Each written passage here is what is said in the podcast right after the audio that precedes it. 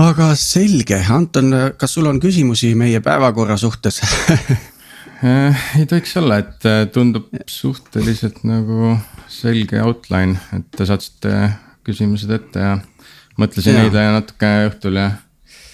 ja siis öösel mõtlesin ka veel ja. aa jaa, okei, okei, väga pingeline ettevalmistus, et see on, see on alati hea, aga. aga see on tegelikult selline noh, võib-olla oled kuulanud ka meid varem, et siis selline vestlus, rahulik vestlus olen küll kuulanud ja noh, ma peaks selle kui üks nagu, seda võib ära mainida, et see on kindlasti nagu üks selline äh, vaieldamatu lemmik podcast. mis on nagu radarile tekkinud, et siis kui ma avastasin Algorütmi, siis ma vist äh, järgmised mingi paar kuud äh, tööle kõndides muud ei kuulanudki, kuni kõik nagu jõudsin, jõudsin nagu õige viimase osani välja. õige reaktsioon. vinge, see on tõsi, see on tore.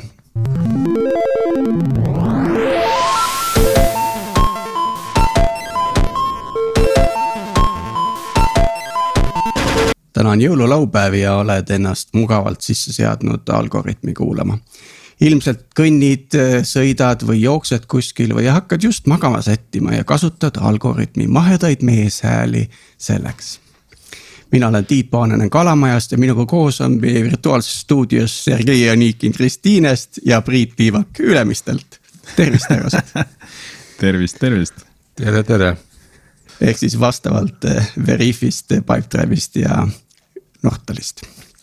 aga Priit, sa käisid puhkusel, et see oli väga kaval sinust enne puhkuste perioodi mm. puhkusel käia, et eh, kuidas sul läks?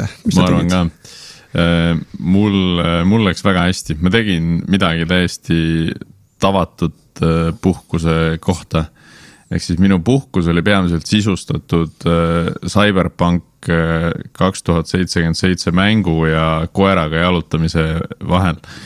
et nautisin seda aega, ega muidu väga ei saa seda nagu niimoodi nagu aega eraldada sellise tegevuse jaoks. oota, aga räägi, mis asi, mis asi see on, Cyberpunk? see on üks, see on üks mäng, mida nüüd üks Poola stuudio on seitse või kaheksa aastat juba arendanud.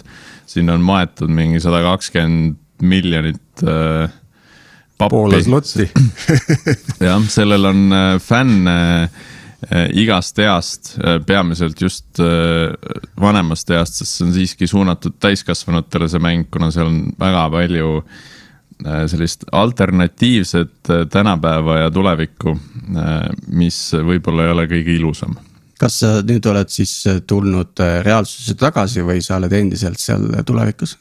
mina olen reaalsusse tagasi tulnud, mäng veel läbi ei ole muidugi, aga noh eks jõuab, see on selline minu jaoks huvitav avastus, huvitav meelelahutus, et kas vaadata Netflixi või siis, või siis teha midagi, midagi muud sellist et seal on väga palju põnevat sellist kunsti, lugu, noh, asju, mida jälgida, et kuidas seda asja arendatud on, seda tahaks ka hirmsasti teada või näha, et kui keegi teab mõnda CD Projekt Redi arendajat, kes eesti keelt räägib, et siis kutsuks hea meelega siia külla ja räägiks natukene sellest.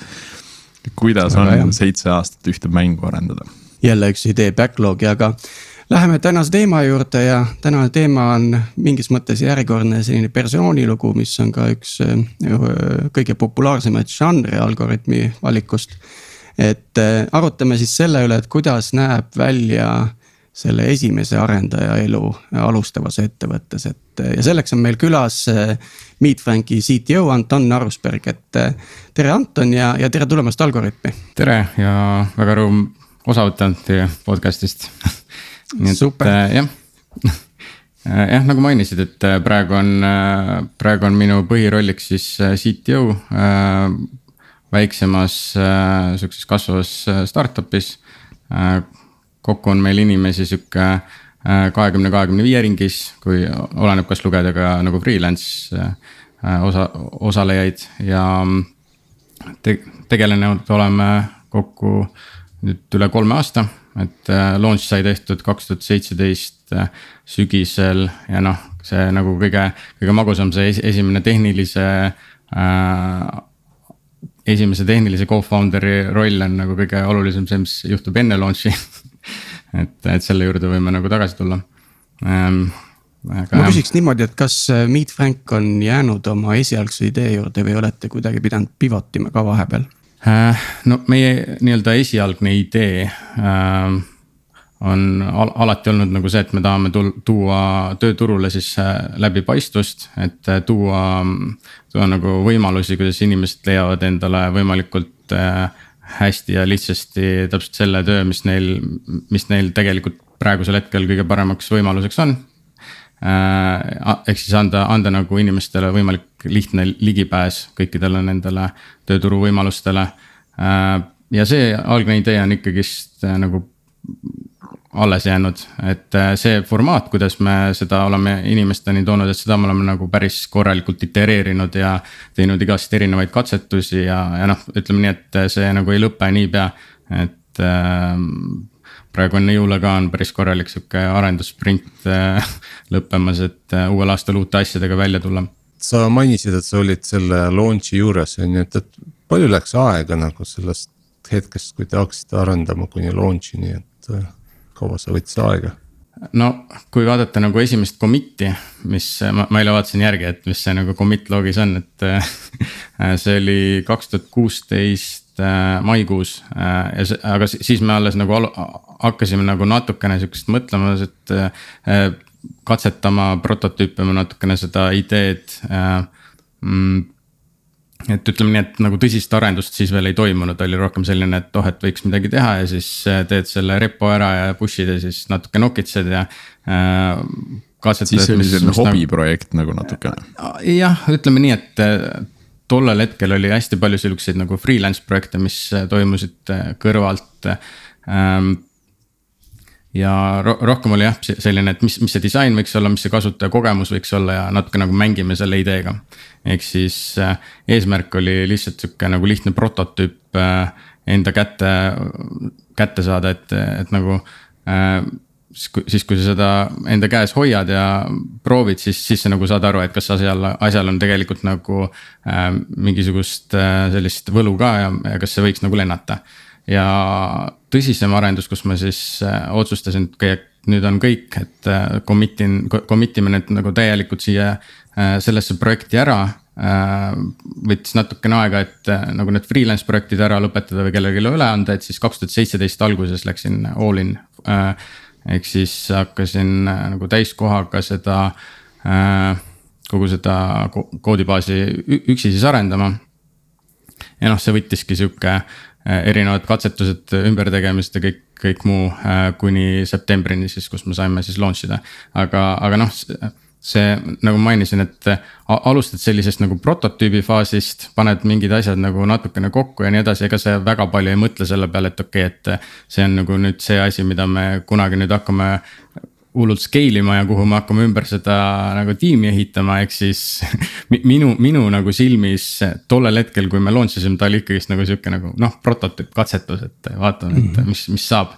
Äh, ja noh, pärast launch'i muidugi esimese paari päevaga meil kogunes äh, sihuke korralik hulk kasutajaid, et paar tuhat installi tekkis sellega kohe ja siis, siis oli nagu okei okay,, paanika majas, et nüüd, nüüd tuleb nagu mingi admin'i liides ka vist juurde pookida, et näha, et mis, mis seal nagu toimub et mm.. aga Meet Frank on ennast nagu bootstrap inud, et teie vist või olete investeeringut kaasanud ka?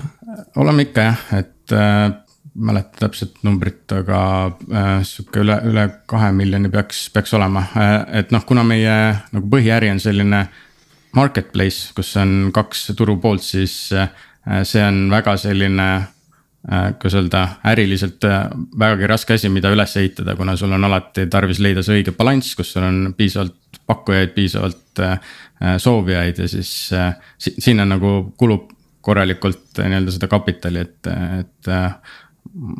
et teha mhm. seda marketingi õigel ajal, õigel hetkel, jah tööturg on natuke keerulisem ka ilmselt kui, kui lihtsalt pitsa ostmine või takso tellimine, et sa ei saa nagu inimesi sundida nagu või. või turundada seda, et vahetage nüüd tööd rohkem, tulge meie platvormile vaatama, mis teile pakkuda on, et natuke keeruline või see on selline keerulisem ja suurem otsus, eks ole, seal taga no esimesed reaktsioonid, ma mäletan sellest Meet Frankist loomulikult tulite selles mõttes nagu õige asjaga, mis, mis startup peabki tegema, et olema no, natukene disruptive, ehk siis tulite selle palgateemaga nagu sisse ja mm. -hmm. ja, ja see nagu oli noh, noh kergitas kulme siin-seal, et aga samas ma arvan, et see ongi viis võib-olla, kuidas nagu selle esimese lainele saad, et, et leiad selle oma, oma väikse niši, mis huvitab inimesi ütleme nii, et jah, et äh, kuna sul on piiratud ressursid alguses launch ides, siis sa pead nagu seda tegema kuidagi kavalalt, et ähm, et selline controversial topic äh, alati nii-öelda liigub palju paremini ja, ja seda te, tekib seda nagu inimeselt inimesele levikut ja, ja, ja mm -hmm. noh äh,. kuna meil no ütleme nii, et kui vaadata näiteks äh, artikleid, mis saavad kõige rohkem lugemisi Äh, siis on alati mingid palgatopid, mingisugused äh, palgakeskmised, igal pool, kus nagu arutatakse mingit palgateemat, siis äh, inimesed nagu ei scroll'i sellest mööda, vaid. et see on nagu asi, mis, mis nagu sütitab ja, ja seda strateegiat me nagu alguses kasutasime, et ja noh, sealt, sealt nagu see algne äh,, kuidas öelda, väärtuspakkumine äh, sai meil ka paika, et me tahame, et, et oleks nagu see äh, läbipaistvus äh, läbi, läbi mm -hmm. meie toote oleks turule, et äh, hästi palju kindlasti nagu ma ei tea, kui palju te ise olete nagu kuskil intervjuudel käinud, aga, aga noh, äh, võrdlemisi nagu stressirohke äh, olukord on see töö otsimine, et äh, sa käid ja intervjueerid ja siis äh, juhul, kui, kui sa tegelikult seda nagu palgapakkumist kohe algusest ei tea, siis sa ei, tegelikult ei tea, et kas sa nagu raiskad oma aega mingi kaks, kaks nädalat, et. ja siis lõpuks nagu, kui jõuab selle palga läbirääkimiseni, siis, siis tegelikult te,. tegelikult see nagu ei kata ära ka sinu seda baseline'i, et igal inimesel on mingisugune teatav äh, nagu kulude baas, noh autoliising, korter ja nii edasi ja lapsed ja, et Äh, kust nagu allapoole on väga raske tulla, et. et seepärast see äh, palgapoolne läbipaistvus, me leidsime, et see on nagu hästi oluline selleks, et nagu stressi maandada just nagu tööotsija vaatevinklis, et jah, alguses me üritasime seda ka natukene kasutada sellise äh, tõmbenumbrina, et, et oo, et tulge vaadake, et mis mm, -hmm. mis nagu äh,. kes millist palka pakub, aga tegelikult äh, noh, üsna äh, peatselt sai selgeks, et see tegelikult ei ole üldsegi see, mida. mis, mis on, mis nagu paneb töökohta vahetama, et palk on ainult see, mis, mis nii-öelda äh, annab inimesele selle kindlustunde, et jah, et okei okay,, et see, see äh, töökoht, seal ma võiksin nagu töötada mm. -hmm. et seal, seal mul nagu seda rahalist stressi ei teki, aga tegelikult motiveerivad hoopis teised asjad. et noh, kogu see missioon, challenge ja, ja kõik muu, et räägiks tehnoloogiatest, et äh, sa mainisid, et äh, sa hakkasid prototüüpima, et äh, mis tehnoloogiat sa valisid just prototüüpimiseks? no alustasin suhteliselt nagu lihtsaste li,, lihtsate tööriistadega, et võtsin kasutusele Node.js-i, siis andmebaasiks MongoDB. Ja siis mingi hetk ma veel otsustasin, et kas, kas nagu katsetada Angularis või Reactis, aga noh, õnneks, õnneks vedas, et et läksin Reacti teed ähm,. miks sa ütled õnneks vedas no et seal, seal on nagu noh, kui, kui täna vaadata, siis ikkagist nagu see kommuun ja kogu see populaarsus on Reactil ikka nii, nii palju kõvemini kasvanud. okei okay,, sellepärast, et seal ei olnud nagu mingit sellist avastust taga, et eh, oh vedas, et seda ma poleks Angulariga üldse saanud teha või et see oleks nii palju keerulisem olnud eks ma veidi konsulteerisin ka paari sõbraga ka, et äh, mis nemad arvavad ja siis äh, üks nagu noh seal siukse pros and cons list tuli ja siis üks sõber tõi hea, hea näite välja, et, et Angularis on hästi palju siukest nagu string programmeerimist, et kus sa nagu kirjutad mingisuguseid nagu loogilisi juppe string'idena kuskile sisse ja.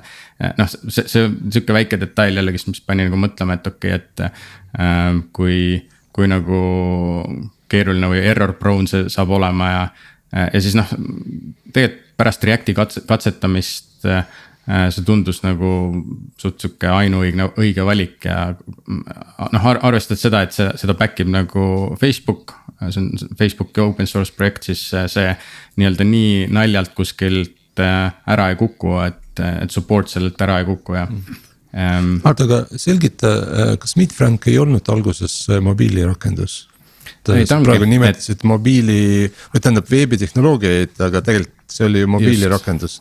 Just ja äh, noh äh,, olles nagu väga palju native rakendusi kirjutanud, mine äh, nii-öelda enne MeetRanki äh, nii Androidi kui iOS-i, siis ma nagu tean, mis pain see on, et kui, kui sa tahad nagu kahte platvormi support ida, et ähm, noh, esiteks see on nagu kahekordne tükk tööd, teiseks see ei ole nagu üldsegi sama lihtne kui, kui võib-olla kuskil Reactis kirjutada, et seal on väga palju igast erinevaid detaile, mida sa pead teadma ähm,. Pluss siis äh, see distribution time äh, erinevatel platvormidel on, on ka nagu sihuke äh, teatavaks blokkeriks, et äh, iOS-is äh, saad uue pildi versiooni äh, valmis, siis paned ta üles, siis pead, noh, tollel ajal oli veel see review time oli sihuke nädalake. et ja Androidil ka, et noh, kuigi ta nagu läheb kohe ülesse, siis sul on ikkagist mingi aeg, kui ta nagu roll out ib, et vaatad kõikidest meetrikatest järgi, siis sul on äh, selle uue versiooni distribution time ikkagist võib sihuke nädalasse ulatuda, et nii et sinul kui... oli põhimõtteliselt niimoodi, et sul oli nagu native experience oli all, eks ju, kogemus. ja, ja siis sa tegelikult sel-, sa lähtusid sellest, et mitte sellest, et mida sa oskad, vaid sellest, mida on vaja. Just ja, noh, kuna mind oli nagu ainult üks, siis äh, tegelikult äh, tundus, et okei okay,, teeme nagu sihukese väikse häki, et äh, teeme kaks konteinerrakendust ja paneme sinna sisse Reacti veebi jooksma, eks ju, mis. Ähm, mis tegelikult nagu osutus sihukeseks elupäästja momendiks, et ja, ja põhiliselt just sellepärast, et ähm, kui sul on kuskil mingi probleem, no mingi, mingi bugi, mis vajab parandamist, ei pea olema tingimata nagu tehniline bugi, vaid, vaid äh, UX-i mõistes on bugi. noh, toon, toon nagu lihtsa näite, et rollisime välja, meil oli esimene rakendus oli sihuke chatbot'i põhine. Ja siis vaatame, et inimesed loevad selle esimese kulutuse ära ja edasi ei liigu et noh, meil all on nagu sihuke next nupp ja, ja kuni sa seda ei vajuta, siis sa järgmist kuulutust ei näe, et siis, siis nagu noh, UX äh, nightmare, et, et mis nüüd saab, et. et siis me peame selle nagu ära lahendama ja noh, lahendus siis ongi hästi lihtne, et paned sinna mingisuguse taimeri külge ja siis nagu. Chatbot ise viskab sulle neid kuulutusi järjest ette. aga kuidas selle, seda roll out'id juhul, kui sul on seal tarvis mingisugune nädal-kaks oodata äh,. App Store'i mingit review'd ja siis Androidiga ja iOS-iga mõlema, mõlemal nagu sedasama väikest UX bugi parandada.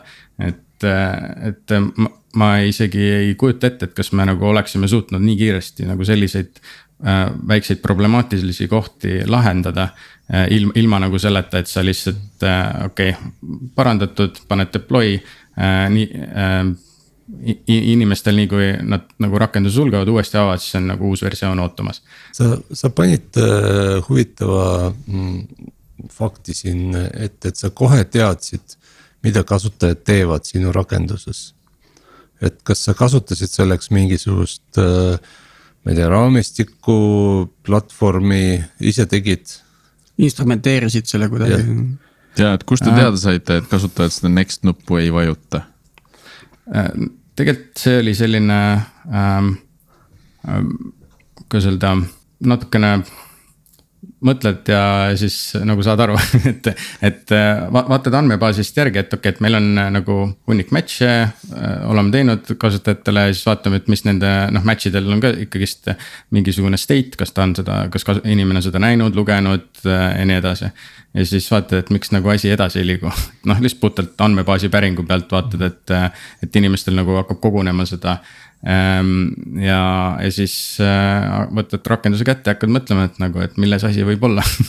-hmm. ja, ja noh, see on nagu sihuke üks lihtne katsetus või hüpotees, et okei okay,, et nad tegelikult nagu ei taipa äh, nuppu vajutada ja siis äh, äh,. sealt nagu liigub edasi, et, et mingi tollel hetkel meil mingisugust väga sihukest ähm, kuidas öelda, sophisticated äh, mingit mix panel või, või siis ma ei tea, mis, mis iganes nagu monitooring äh, plugin eid äh, kasutuses ei olnud, et rohkem oli selline ähm, põlve peal nikerdamine nende, nende asjadega.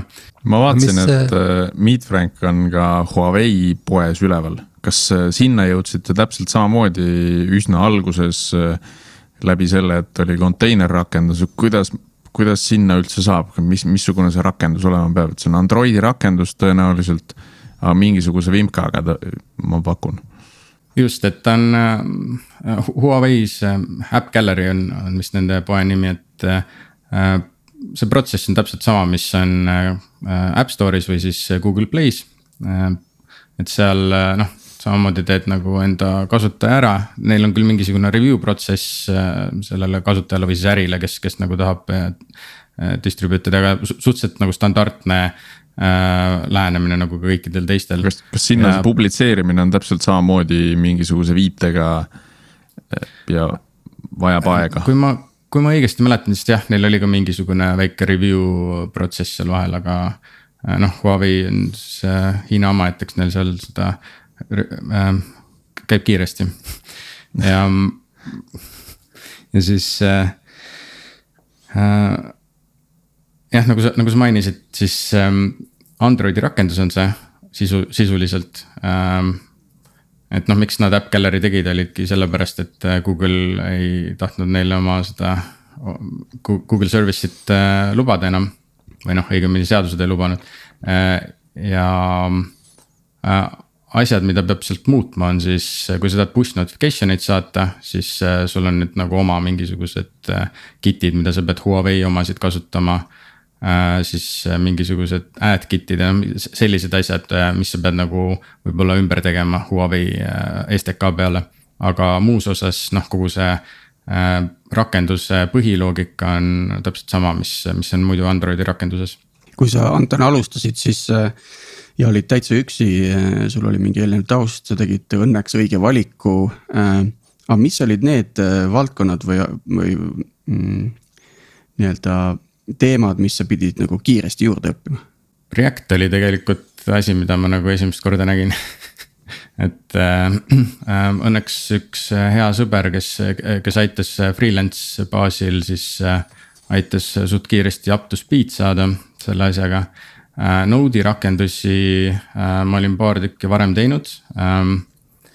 Äh, MongoDB-ga sama, samamoodi ja siis AWS-is äh, äh deploy inud samamoodi, et äh, tollel hetkel kasutasin võimalikult äh, siukseid lihtsaid viise, et, et asjad nagu ülesse saada ähm,. noh, mingisugused asjad neist on nagu jäänud pidama, mingisugused asjad on nagu muutunud selliseks äh, nagu ho horror'iks natukene.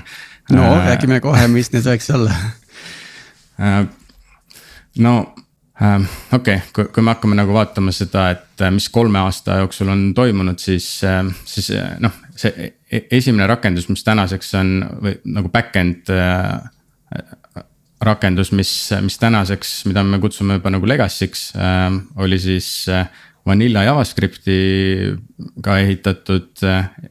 Node'is on siis see Expressi framework ehk siis nagu sihuke suhteliselt kõige standardsem, kõige populaarsem asi, mida tol hetkel oli kasutada Ähm, ja asi, mida ma kindlasti nagu uuesti ei teeks, on see, et ma ei valiks vanilla JavaScripti, et.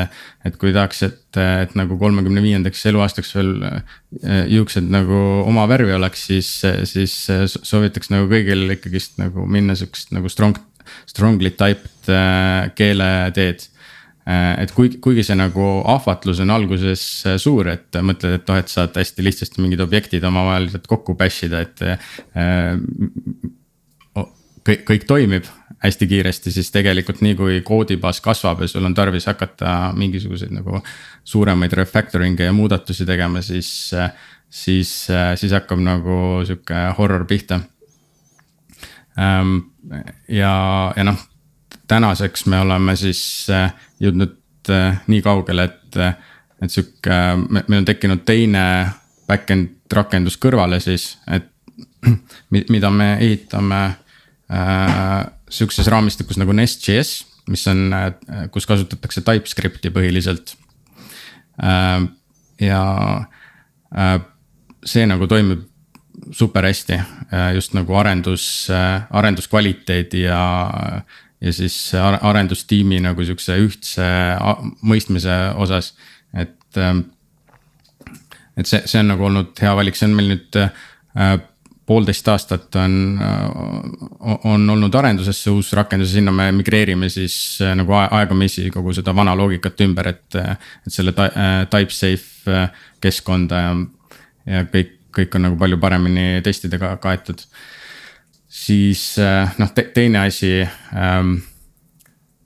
mis, mis on nagu aja jooksul muutunud sihukeseks blokkeriks äh,. on, äh, on see, et äh, esimese rakenduse sai AWS-i deploy tud kasutades nende sihukest nagu äh, lahendust nagu Elastic Beanstalk, see on sihuke hästi, hästi lihtne, wizard itega paned, paned püsti. mõnes mõttes tegelikult hästi, hästi hea viis nagu saada äh, midagi jooksma äh, load balanced environment'is äh, ja noh, load balanced environment on üli, väga oluline tegelikult kohe esimesest päevast, sest et ilma selleta sul ei ole võimalik teha sellist nagu rolled update'e ja. ja kui midagi juhtub, siis, siis samamoodi, et äh, nii-öelda see load balancer tuleb paljuski appi, et kui on tarvis mingisuguseid, et autoscaling rule'e või mida iganes on tarvis seal, seal nagu muuta. Äh, et, et sihukese nagu paari klikiga ülesse saada hästi hea, hästi kiire ja äh, sellega on omajagu vist probleeme ka, kui tahta pisut keerulisemat asja teha, et mina olen kuulnud selle Beanstalki kohta selliseid lugusid, et see on. see on natuke nagu Hibernate, et kui sa seda ei oska, et siis on kerge sellega jalga tulistada. aga kui sa oskad mm., siis saad igasuguseid imesid teha, et noh, et sa pead natuke seda, seda siseelu natuke rohkem teadma, kui, kui lihtsalt esimesest getting started tutorial'ist välja paistab. Just ja ma tegelikult tooks selle ka välja, et äh, kui sa seda oskad jah, siis sa saad äh, asjad käima, aga mul oleks ka küsimus, et kas sa üldse peaksid oskama et noh, kui sul on, kui mm, -hmm. kui sul on äh, nagu võimalus valida, et kuhu sa lähed äh, nagu sügavalt sisse, siis äh, äh, noh, igal juhul oleks mõistlikum juba nagu ehitada sihuke dockerized environment äh, kas siis Kubernetese peale või siis, või siis noh, meil on, meil jookseb ECS-is nii-öelda see uuem rakendus Äh, ja noh, kogu see infrastruktuur on siis äh, kirjeldatud äh, Terraformi failides. ja noh, Terraform on ka sihuke või üleüldiselt nagu sihuke infrastructure as a code on, on nagu hea, hea mõte tegelikult kohe algusest, et nii mõnigi, no. jällegist ahvatlus, asjad kiiresti püsti saada äh, paari sihukese klikiga kuskil Wizardites AWS-is. aga siis, kui tarvis midagi muuta, siis tegelikult ta nagu muutub hästi black box'iks ja sul ei ole võimalik tegelikult track ida, et kus mingid muudatused on tehtud ja, ja nii edasi, et. et seal on ka, et äh, kui, kui, kui väga ohtlikult sulle meeldib elada, noh aga see on, see on päris pikk samm edasi juba tulla, et kui sa nüüd alustaksid uuesti, kas sa siis võtaksid Terraformi ja loobuksid Beanstalkist ja hakkaksid, okei okay,, selline vanilla JavaScript, TypeScript valik on võib-olla veidi lihtsam, et äh, aga, aga noh, see Terraformi kaasamine juba tähendab rohkem tööd, et äh, minema saada, et paigaldama seda saada sinna AWS-i, eks ole. et kas sa nüüd teeksid need lisasammud ära kohe alguses või, või pigem ikka läheks sellise äh, kiirelt minema, vaatame, mis tuleb, kas üldse on seda küünlaid väärt nii-öelda see tegelikult sõltub hästi palju sellest, et äh, kas sul on endal see vastav nagu kogemus ja kompetents on olemas, et kui sa oskad, äh, tegelikult oled Terraformiga natukene juba nagu toimetanud, siis. Äh, siis tõenäoliselt sa ei pea panema mm -hmm. sinna mingi kahte kuud sisse selleks, et kõigepealt see selgeks endale õppida.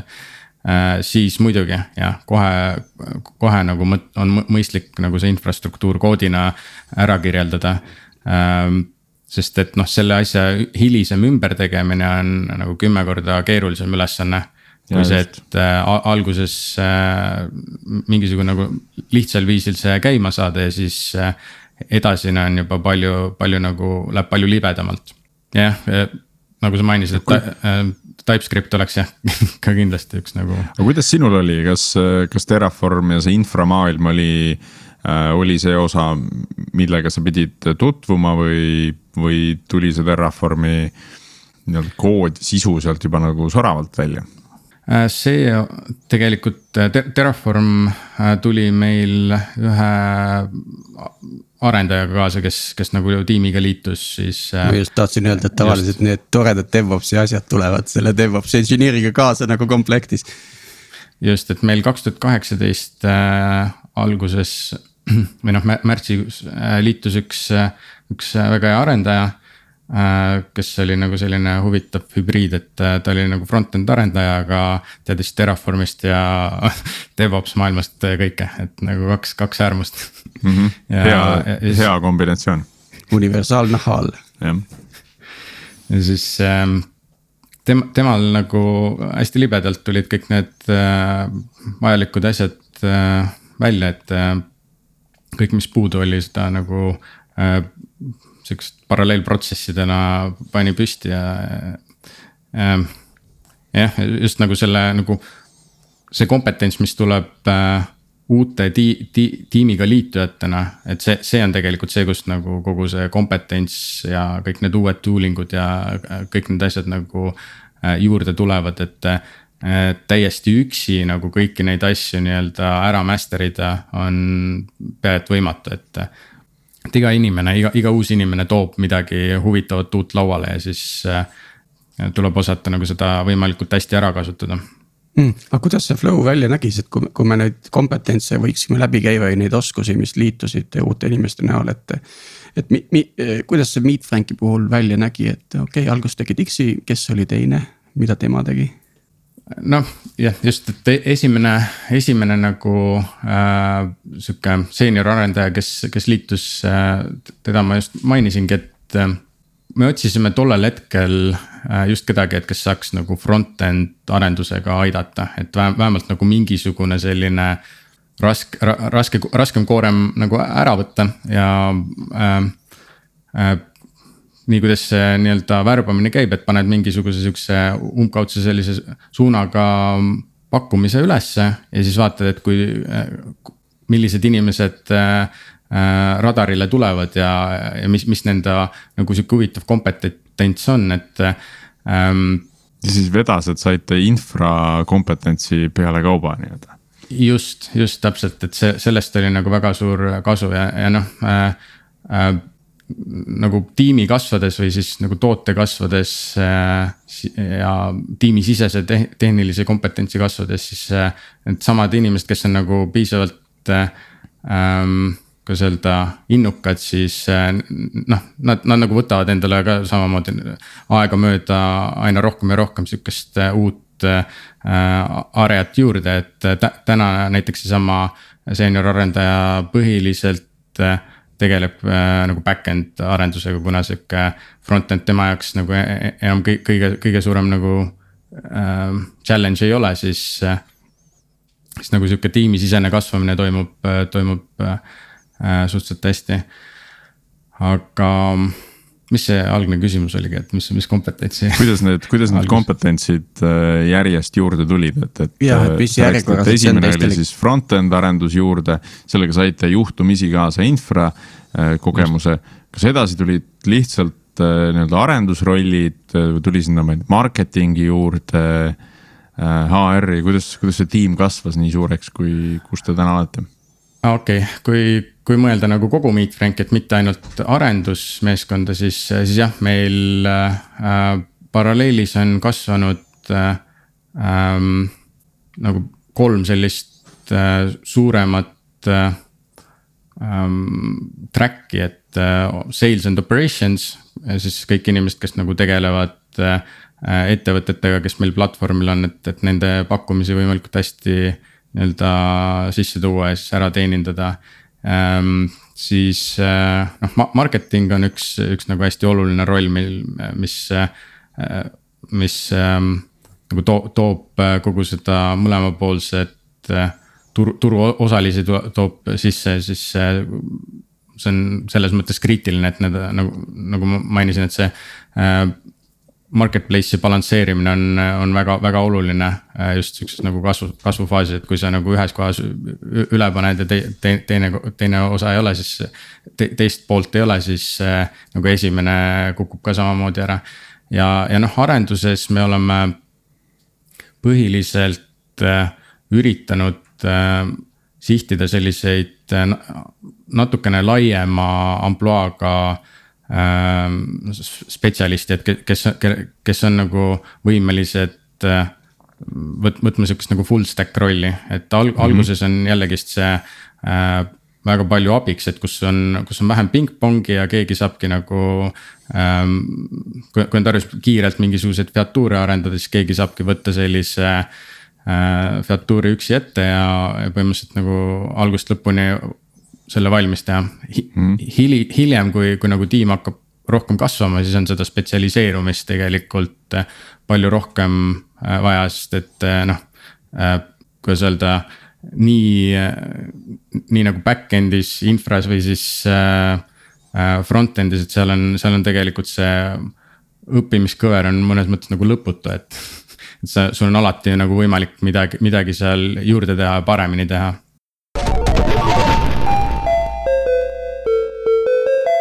Sa nüüd mainisid äh, peamiselt neid arenduse rolle. kas äh, Meet Frankis on ka mingisugune masinõppe suund, mingisugune andmeteaduse kaevesuund? et neid andmeid tänaseks peaks olema juba omajagu kogunenud, et nende pealt midagi midagi põnevat järeldada või mingit automaatikat sinna peale ehitada. just, et äh, andmed, andmeteadust on meil nagu on and off olnud äh, kogu selles nagu core business loogikas äh, hetkel on seda vähem, kui, kui vahepeal oli, ütleme nii. et see, oli täpselt selline ähm, masinõppe algoritm, mis meil vahepeal äh, tegi match'e inimeste ja äh, ja pakkumiste vahel, et see, see nagu, seda me tuunisime ikka nagu, et, et korralikult noh. et, et saada, saada see nagu perfektne match kätte ähm,. igale, igale inimesele täpselt see õige asi äh,.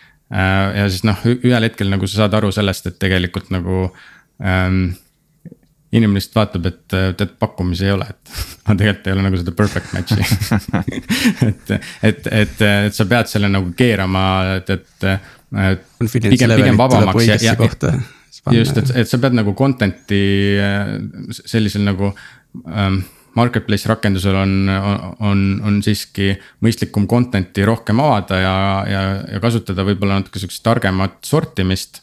et äh, tuua inimestele rohkem ette, aga äh,, aga selleks ei ole nagu tingimata vaja mingisugust väga keerulist masinõppe algoritmi.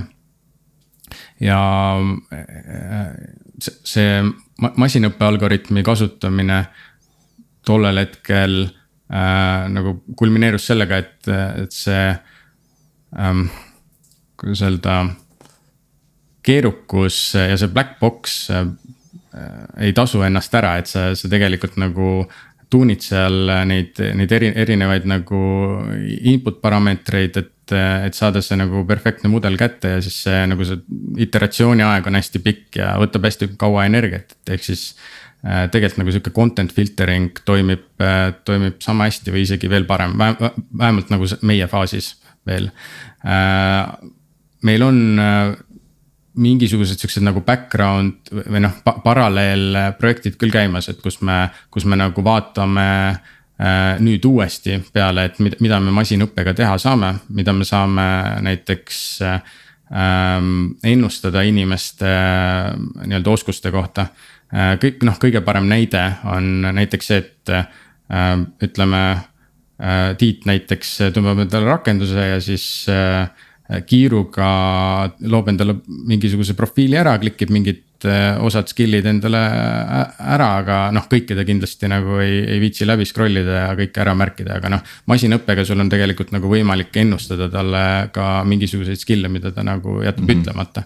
see on nagu ostukorv, et äh, kuule, et sa valisid siin selle React'i, et äkki sa tead nagu seda, äh, seda teist tehnoloogiat ka.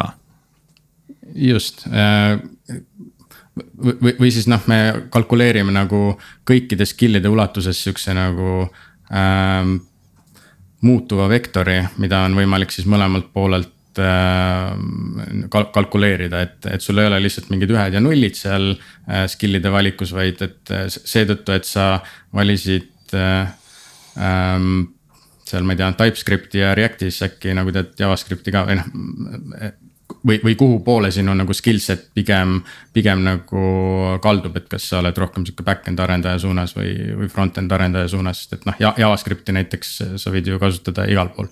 aga mm -hmm. need muud valikud oskavad nagu äh, ära öelda seda, et, et tegelikult, et kus, äh, mis on nagu see sinu täpsem suund mul on selline personaalne huvi just testimise vastu, et kuidas on see testimise funktsioon arenenud ja kuhu on välja jõudnud, et. et siin lihtsalt taustaks, et noh, ütleme, viimaste aastatega on siin tulnud äh,, muutunud peaaegu käibefraasiks see, et äh, tahad äh, halvemat kvaliteeti, siis lisatestijad nagu into the mix, et siis siis see, see hakkab toimuma see uh, over the wall ja pingpong edasi-tagasi, et. et kuidas teie olete selle testimise funktsiooni lahendanud? Äh, no meil QA tiimi ei ole, kellele nii-öelda over the wall asju äh, visata et kui, kuigi vahepeal nagu tundub küll, et mingisugune intsident jõuab laivi, siis mõtled, et okei okay,, et noh, nüüd, nüüd on küll see hetk, et nagu, et võtame ikka mingi QA inimese, aga ma arvan, et see, see oleks nagu väga vale samm. Äh, tõesti, nagu sa ise mainisid, sest et see äh, muudaks mõnes mõttes selle kvaliteedi tagamise nii-öelda kellegi teise ülesandeks mm. -hmm. ja see peaks tege-, peab tegelikult olema nii-öelda nagu arendusmeeskonna enda, enda teha, et äh, need asjad, mis, mis ship itakse, äh, need peavad olema nii-öelda sul peab olema nagu teatav äh, confidence, et see, et see asi ei tee midagi katki ja see, kuidas sa selle confidence'i saavutad, et selle nagu noh, see, kui sa selle nagu välja mõtled, aga. sellega ma olen nõus keegi..., aga selle, ma arvan, et see vastutuse nihutamise koht on väga, väga suuresti kinni selles inimeses endas. et samamoodi me saame öelda, et inimese areng on tema enda teha aga ometi me tahame, et tema kõrval oleks coach, kes teda võib-olla sellel teel suunab ja aitab. et äh, kindlasti on see testija kvaliteedis ka väga palju kinni, et kui palju vastutust ta enda peale võtab. ja kui palju ta laseb endale üle aia asju visata versus, et kui palju ta ütleb, et noh, see on, teie tegite katki, et noh, et äh, teie otsige see viga üles ka nüüd on ju. jah, ma näen ka siin seda, seda no ütleme, me oleme kindlasti juba arenenud kaugemale kui see, see waterfall ja over the wall, eks ju, et. et, et tänaseks on tõenäoliselt, on väga mõistlik mitte business kriitilisi asju teha nii-öelda ilma testimis, testijateta, testimine peab olema juures, eks ju, aga testija selle me lülitame mängu siis, kui äh, meil äh, on no room for error, ühesõnaga ja selliseid situatsioone on paraku. et, et siis see investeering tasub ära, et ma tegelikult näen siin nagu testimise funktsioon ikkagi areneb nagu sellest quality control äh,. areneb nagu rohkem quality assurance suunas, ehk siis see tegelikult on nagu kindlustuspoliis mingis mõttes. just need kõige kriitilisemate mm -hmm. lõikude peale aga Anton, mis, mis laadi automaattestimist teil siis olemas on, kui teil eraldi äh, testijaid või testija rolli ei ole, siis äh, see peab olema suuresti automaattestidega kaetud. mis osa sellest püramiidist olemas on? Äh, unit testid, end-to-end testid ähm,. sihukest UI testimist meil hetkel veel ei ole, kuigi tundub ka sihuke kriitiline koht, et mida, mida nagu võiks, võiks sisse tuua ja noh, arendusmeeskond ise ka räägib nagu tuletab kogu aeg meelde, et me peame hakkama tegema UI teste. Äh, et, et jah, see on nagu asi, kuhu peab nagu selle aja ja effort'i panema. aga jah, see on jah, just, et arendaja arendab mingit funktsionaalsust. ma ei tea, kui palju me nagu täpselt sihukest test driven development'i praktiseerime, aga reeglina siuksed Äh, commit'id, mis tulevad, need tulevad ikkagi koos unit testide või siis end-to-end testidega mm. -hmm. kui palju te neid. on see, sorry Priit, ma lükkan siia vahele on see, see veemudel on nagu klassika mm -hmm. mingis mõttes, et, et me nagu vastavalt sellele äh, detailsuse astmele, siis kirjutame ka vastavad testid peale, on ju. ja noh, see on nagu noh, ma arvan, selline standardmõtlemine, et alustame sealt unit testidest, siis teeme mingisugused funktsionaalsed testid kuskil ja mingid integratsioonitestid, mis juba kes teist, teistsuguses keskkonnas toimivad, on ju. ja, ja siis edasi juba läheme siia kõrgemale tasemele UE testidesse, et ma tahaks lihtsalt huvi pärast küsida, et kas kas teil on selliseid kohti, kus te näete, et et äh, kirjutan paar head integratsioonitesti ja unit testid jätan vahele. et selle integratsioonitestiga, kui ma sellele run in läbi, siis code coverage'i ma saan sealt kätte. ma näen, kui palju koodi, koodist on kaetud, eks ju. ja ma ei peagi hakkama mm. unit teste tegema. E, teoorias küll, et ütle, ütleme nii, et äh, kui, kui nagu kuskil on vaja corner'it cut ida, siis pigem teha seda selle sellelt poolt, et sul on mm -hmm. nagu see laiem coverage on vähemalt olemas, et, et sul mingisugune.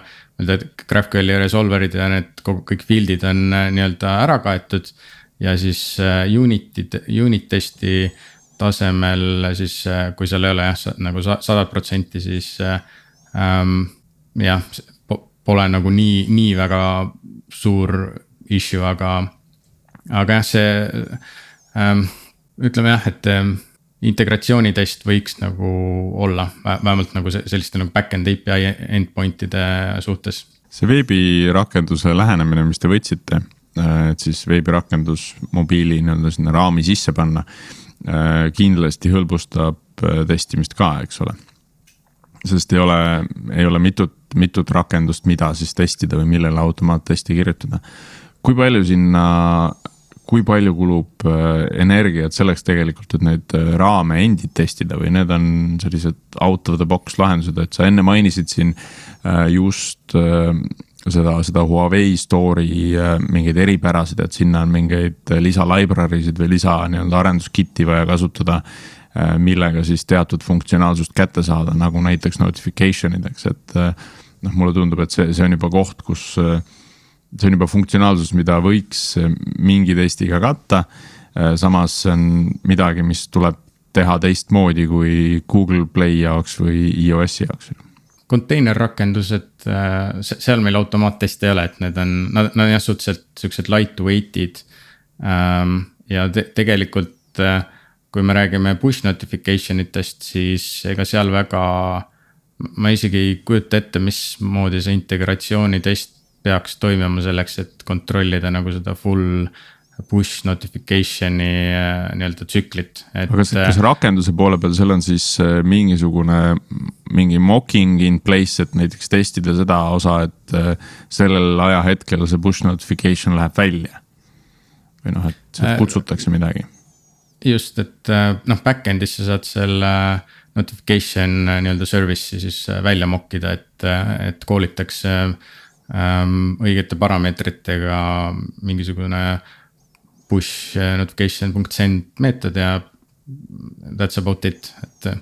-hmm. aga noh, seda nagu full tsüklit äh, ma kardan, et et eh, ma ei tea, kui võib-olla, kui keegi nagu lükkab mu väite ümber, aga ma, ma kardan, et eh, ilma sihukese manuaaltestimise ja eyeball imiseta väga ei, ei olegi võimalik teha, et kas see push nagu lõpuks kohale ka jõudis mm. -hmm. Um, et need raamid on ikkagi täna sellised eh, noh, nii-öelda off the shelf ja võimalikult lightweight, et sinna et nende külge te ennast ei taha üldse siduda ja, ja hoiate enda rakenduse võimalikult palju siis nii-öelda selles äh, JavaScripti poole peal.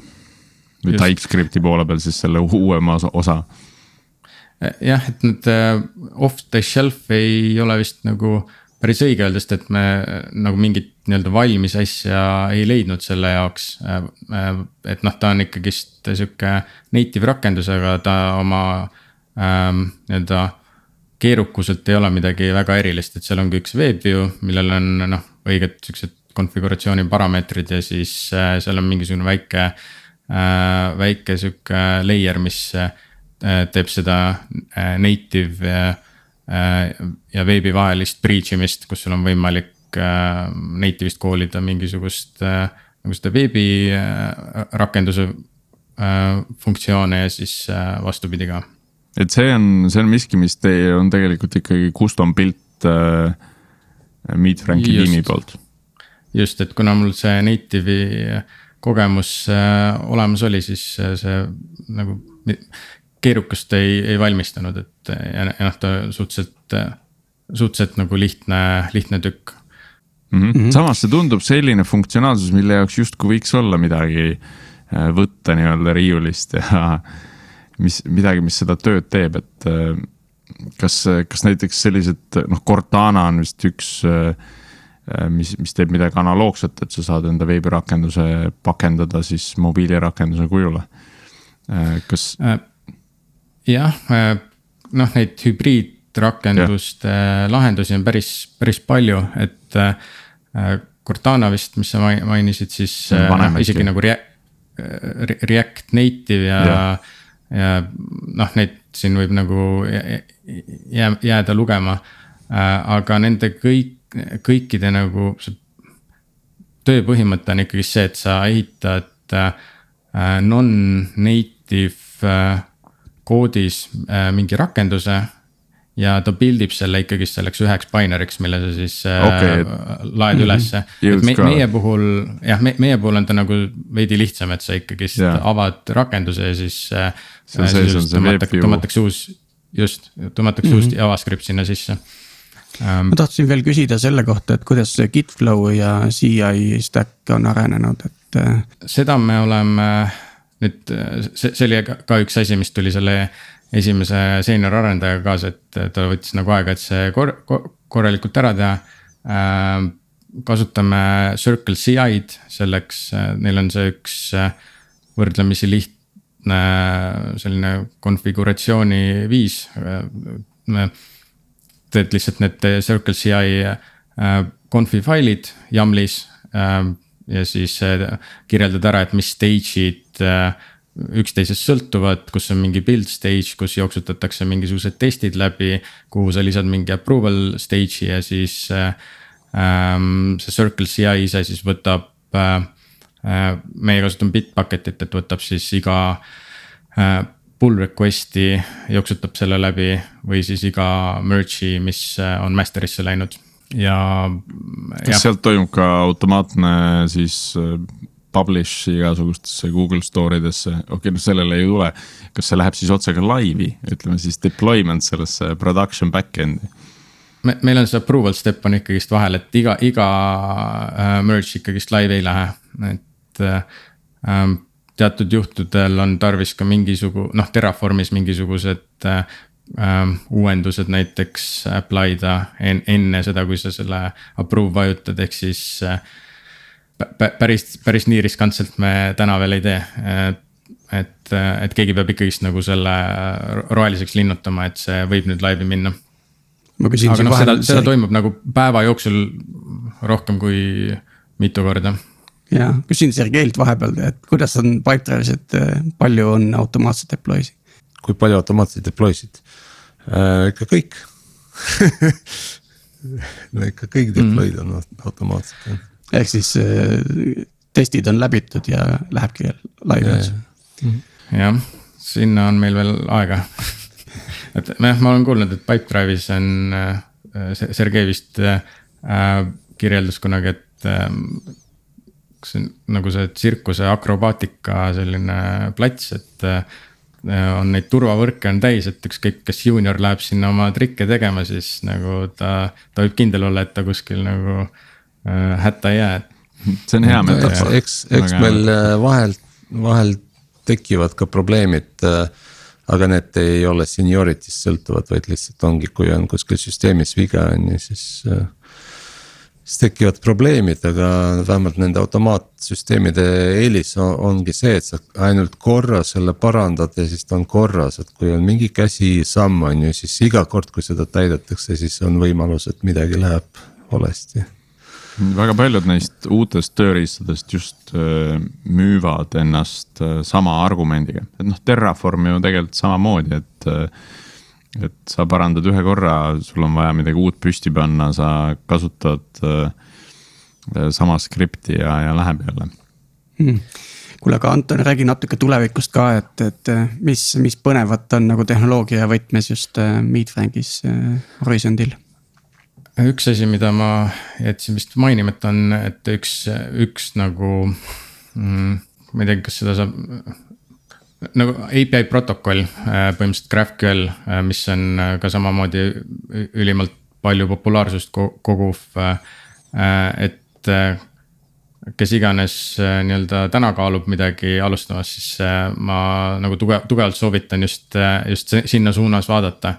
ja see on, see on ka üks asi, mis, mis me selle nagu uue, uue rakenduse lähenemisega oleme kasutusele võtnud ja ähm, kõik äh, nii-öelda back-end äh, API endpoint'id, mis me ehitame, tulevad äh,, tulevad nüüd äh, GraphQL-i peale äh,. seal on äh, üks väga, väga suur pluss, mida me tänu sellele oleme nagu näinud ähm,.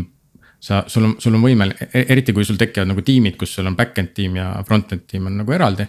siis äh, läbi GraphQL-i äh, sul on võimalik äh, decouple ida kogu see, noh, mitte päris kogu see arendus, aga, aga nagu enamik sellist äh, enamik arendustegevust on võimalik nagu decouple ida, sest et äh, sul ei ole äh, äh, olukorda, kus nii-öelda front-end tiim ootab, et back-end mingisugused asjad valmis saaks, vaid.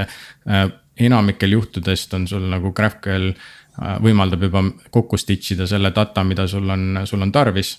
ja kogu see, kogu see nagu see underlying ähm, layer, mis, mis seda datat sulle serveerib läbi GraphQL-i on äh, õigesti ehitades on reusable. Ehk siis äh, äh, jah, see on ka nagu üks, üks nagu asi, mida äh,, millele ma paneksin nagu viis tärni täna äh,. ja noh, tuleviku mõistes, kui, kui nagu vaadata Meet Franki tervikuna ja Meet Franki toodet et kuhu, kuhu me liigume, siis siis noh, see missioon täna on ikkist äh, säilinud täpselt samamoodi, et me tahame võimalikult heal viisil tuua võimalikult head ja sobivad pakkumised äh, kõikide inimesteni, aga me nagu äh, võtame aina rohkem samme, et kuidas seda teha veelgi nagu mitmekülgsemalt, äh, et, et see rakendus muutuks mitte nii väga nii-öelda ainult tööpakkumiste põhiseks, vaid, vaid rohkem ka sihukeseks nagu tööturu põhiseks, kui, kui vaadata nagu sihukest nagu üldisemat pilti, et et äh, tooks äh, sisse rohkem sellist äh, in, inimlikumat poolt, kus, kus nagu tekib ka natukene sellist nagu community layer'it sellesse rakendusse. inimesed saavad nagu üksteiselt küsida, abi paluda ja, ja rohkem nagu sellist diskussiooni are, arendada seal.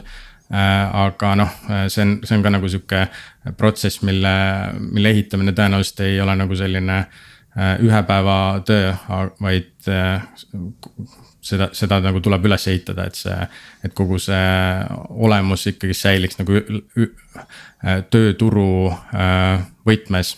mis, mis nagu tehnilist tiimi puutub, siis äh, kuna me praegu nagu selliseid nii-öelda toote katsetusi veel teeme, siis ma ise kujutan ette, et väga massive nihukest tiimi growth'i täna Äh, ei soovikski teha, et, et, et ma, ma, ma ei kujutagi ette, et kui, kui meil nagu täna peaks äh, tekkima sihuke skaleerimise moment, et me nagu värbaksime, ma ei tea, et äh, kuue inimesest, kuue inimesega arendustiimist, kes meil täna on, saaks järsku mingi sada või sada viiskümmend.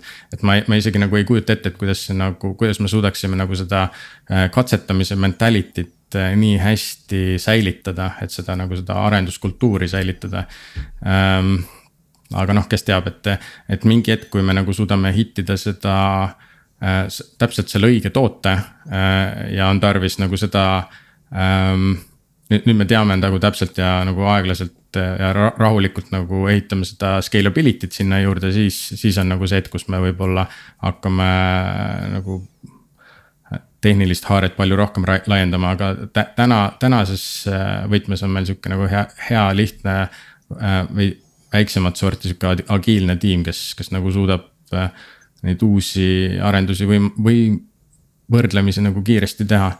aga kui nüüd, äh, kui nüüd Meet Frank värbab, kas siis Meet Frank värbab Meet Franki kaudu? Hea küsimus, äh, üheksakümmend kaheksa protsenti juhtudest jah. Ülejäänud kaks protsenti on äh, olnud kas mingisugused äh, soovitused ja. ja või, või siis keegi on otse kirjutanud meile ja äh, Anton siia lõppu veel küsiks, et mida sina tahad äh, Algorütmist kuulata? ma, mulle väga meeldisid siuksed nagu deep tech äh, discussion'id, näiteks Kafka discussion, mis teil oli äh, Sixfoldi CTO-ga, siis äh, Rustist äh, nagu õppisin päris palju lihtsalt nagu tunni ajaga podcast'i kuulates, et, et need, need, need on tõesti nagu hästi huvitavad ja siuksed harivad noh, muidugi need personal story'd on, on kindlasti väga, väga huvitavad, et ma arvan, et kui, kui nagu teemasid hakata äh, brainstorm ima, siis, siis teil nii-öelda inimesi, keda kutsuda, see on nagu lõputult, ma arvan puhtalt nagu sihukest nagu Eesti, Eesti äh, maastikult juba. Mm. Et igas ettevõttes on mingisugune sihuke huvitav story rääkida, mis, kuidas nagu nende tehnoloogia valikud on läbi aja toimunud ja, ja mis, mis oli nagu hästi, mis halvasti. Ähm, aga jah, siuksed deep tech arutelud on hästi huvitavad, mul üks sõber näiteks ähm, hakkas äh, sihukese hobi korras enda programmeerimiskeelt äh, tegema, et, et et see oli ka, et äh, õhtu, üks õhtusöök saime temaga kokku, siis ta nagu rääkis äh, sihukesest äh, teemast, mis muidu enamikele inimestele nagu väga nagu noh must maagia, et kui et, et kui, kui sa nagu ise ei ole seda, seda teinud ja ei tea täpselt nagu, kuidas need printsiibid ja mis see, mis see nagu kompilaator seal sees teeb, et siis.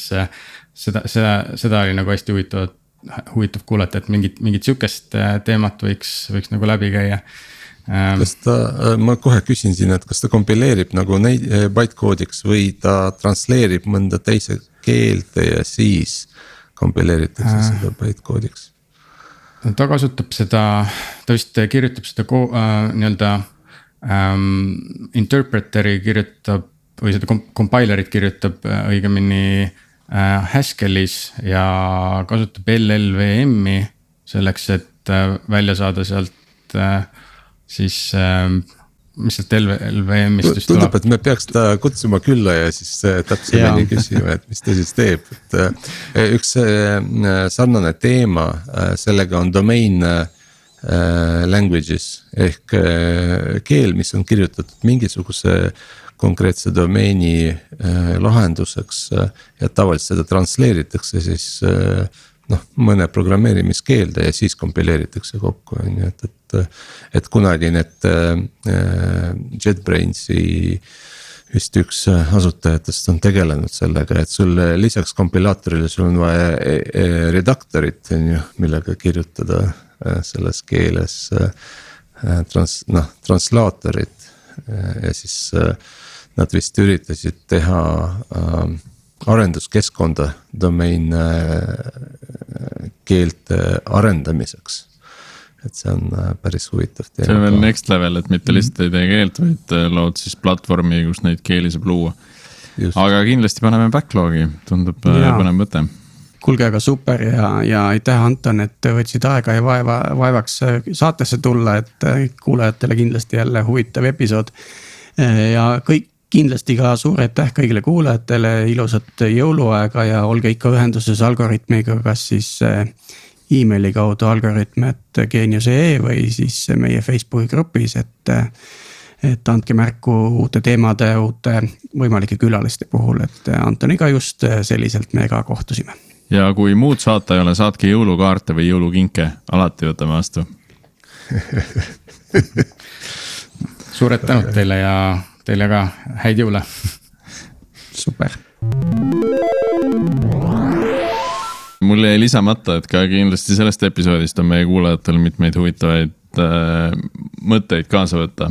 kasvõi need JavaScripti, TypeScripti äh, õppetunnid äh,, GraphQL ära hakka raketti ehitama, kui ja. sa saad filtrite ja sorteerimisega tehtud asjad. just, just, just, just, et noh, neid asju kindlasti on. jah jah, tegelikult India. need äh, kõige populaarsemad äh, nii-öelda äh, üks, üks huvitav asi, mis, kui, kui meil on selline community aspect Meetfrankist tuleb, siis üks asi, huvitav asi, mida ma nagu sealt välja plastin, on ta, tahaks küsida kõikide eest, et kui te kaks tuhat kakskümmend üks hakkaksite startup'i tegema, siis mis teie stack oleks? Ja, jah, see on hea küsimus, hea intervjuu küsimus kindlasti. Mm. -hmm kunagi tegi äh, Geekout ja Zero Turnaround tegid neid äh, developer survey sid Eesti, Eesti arendajate seas ka. aga nüüd äh, nemad müüdi maha ja siis enam ei ole survey sid ka. no aga Algorütm võiks ju teha. Algorütm developer survey või? jah. noh. Pole üldse halb mõte, meil on praegu. ma näen, et sellistes projektides oleks meil selline vabatahtlik, et abijõud hästi teretulnud, et kui keegi tunneb, et, et selline äh, Eesti arendajate survey omamine ja selle nagu run imine on midagi, mis tema valdkonnas teda pildile toob, siis andke aga märku ja. ja rakendame kohe kõik jõud selleks. äkki see on väike programmeerimis hobiprojekt meile kolmele mm. -hmm mm,. taaskord ah, jaa, ah, meile kolmele seekord Sorry, mul Sergei on juba jõuluprojekt on, on olemas, et. et ma üritan oma esimest mudelit treenida. Et, aga on sul andmeid, äkki? mul on andmeid, mul on kakskümmend kaheksa tuhat rivi mis on siis kõikide klientide kõik tellimused ja siis nende vahelised kuupäevad, eks ju, noh kui, kui, mis on kuupäevade vahemik, eks ju. Ja ma tahan, äh, ma tahan teha klassifitseerida äh, ja ennustada siis, äh, et millal järgmine tellimus tuleb. see on sihuke subscription põhiseks tahad teha, et siis kui mul külmkapis just õlu otsa saab, siis tuleb ja. uus pakk ukse taha sa ei Kuule. pea seda mudelit treenima, see on Facebooki poolt äh, sihuke prohvet äh, tööriist olemas. ja Paned..., ja ei ma seda räägingi, et noh, et midagi, midagi ma kuskil pean tegema, eks ju, ma veel ei tea, mida on ju ja kus. aga näed, siit saad äh, tasuta nõu, et äh, võtad äh, tööriista et... nimega Prohvet eks ma äh, tegelikult tahtsin natukene vaadata ka sinna sisse, et et äh, SageMaker ja, ja, ja, ja seal nagu need, ütleme natuke seda tööriistamaailma ka, mida me mm, Veriffis ka kasutame, et siis ähm, on äh,. ei ole, ei paista nii loll välja jah okay., et mul on need hobiprojektid ja tööprojektid äh, run ivad samal platvormil, et see on hea viis hoida nagu asju huvitavana enda jaoks. huvitav oleks tegelikult teada, et kas keegi äh kui keegi räägiks nendest AWS-i nii-öelda plug and play ai lahendustest, et mis kogemused kellelgi teisel. ja, ja tegelikult et... Microsoftil on ka päris vinged asjad, meil oli üks no code, low code episood, kus tegelikult äh, vend otsis nagu piltidelt kassi ja leidis selle mm. -hmm. ilma üks... ridagi koodi kirjutamata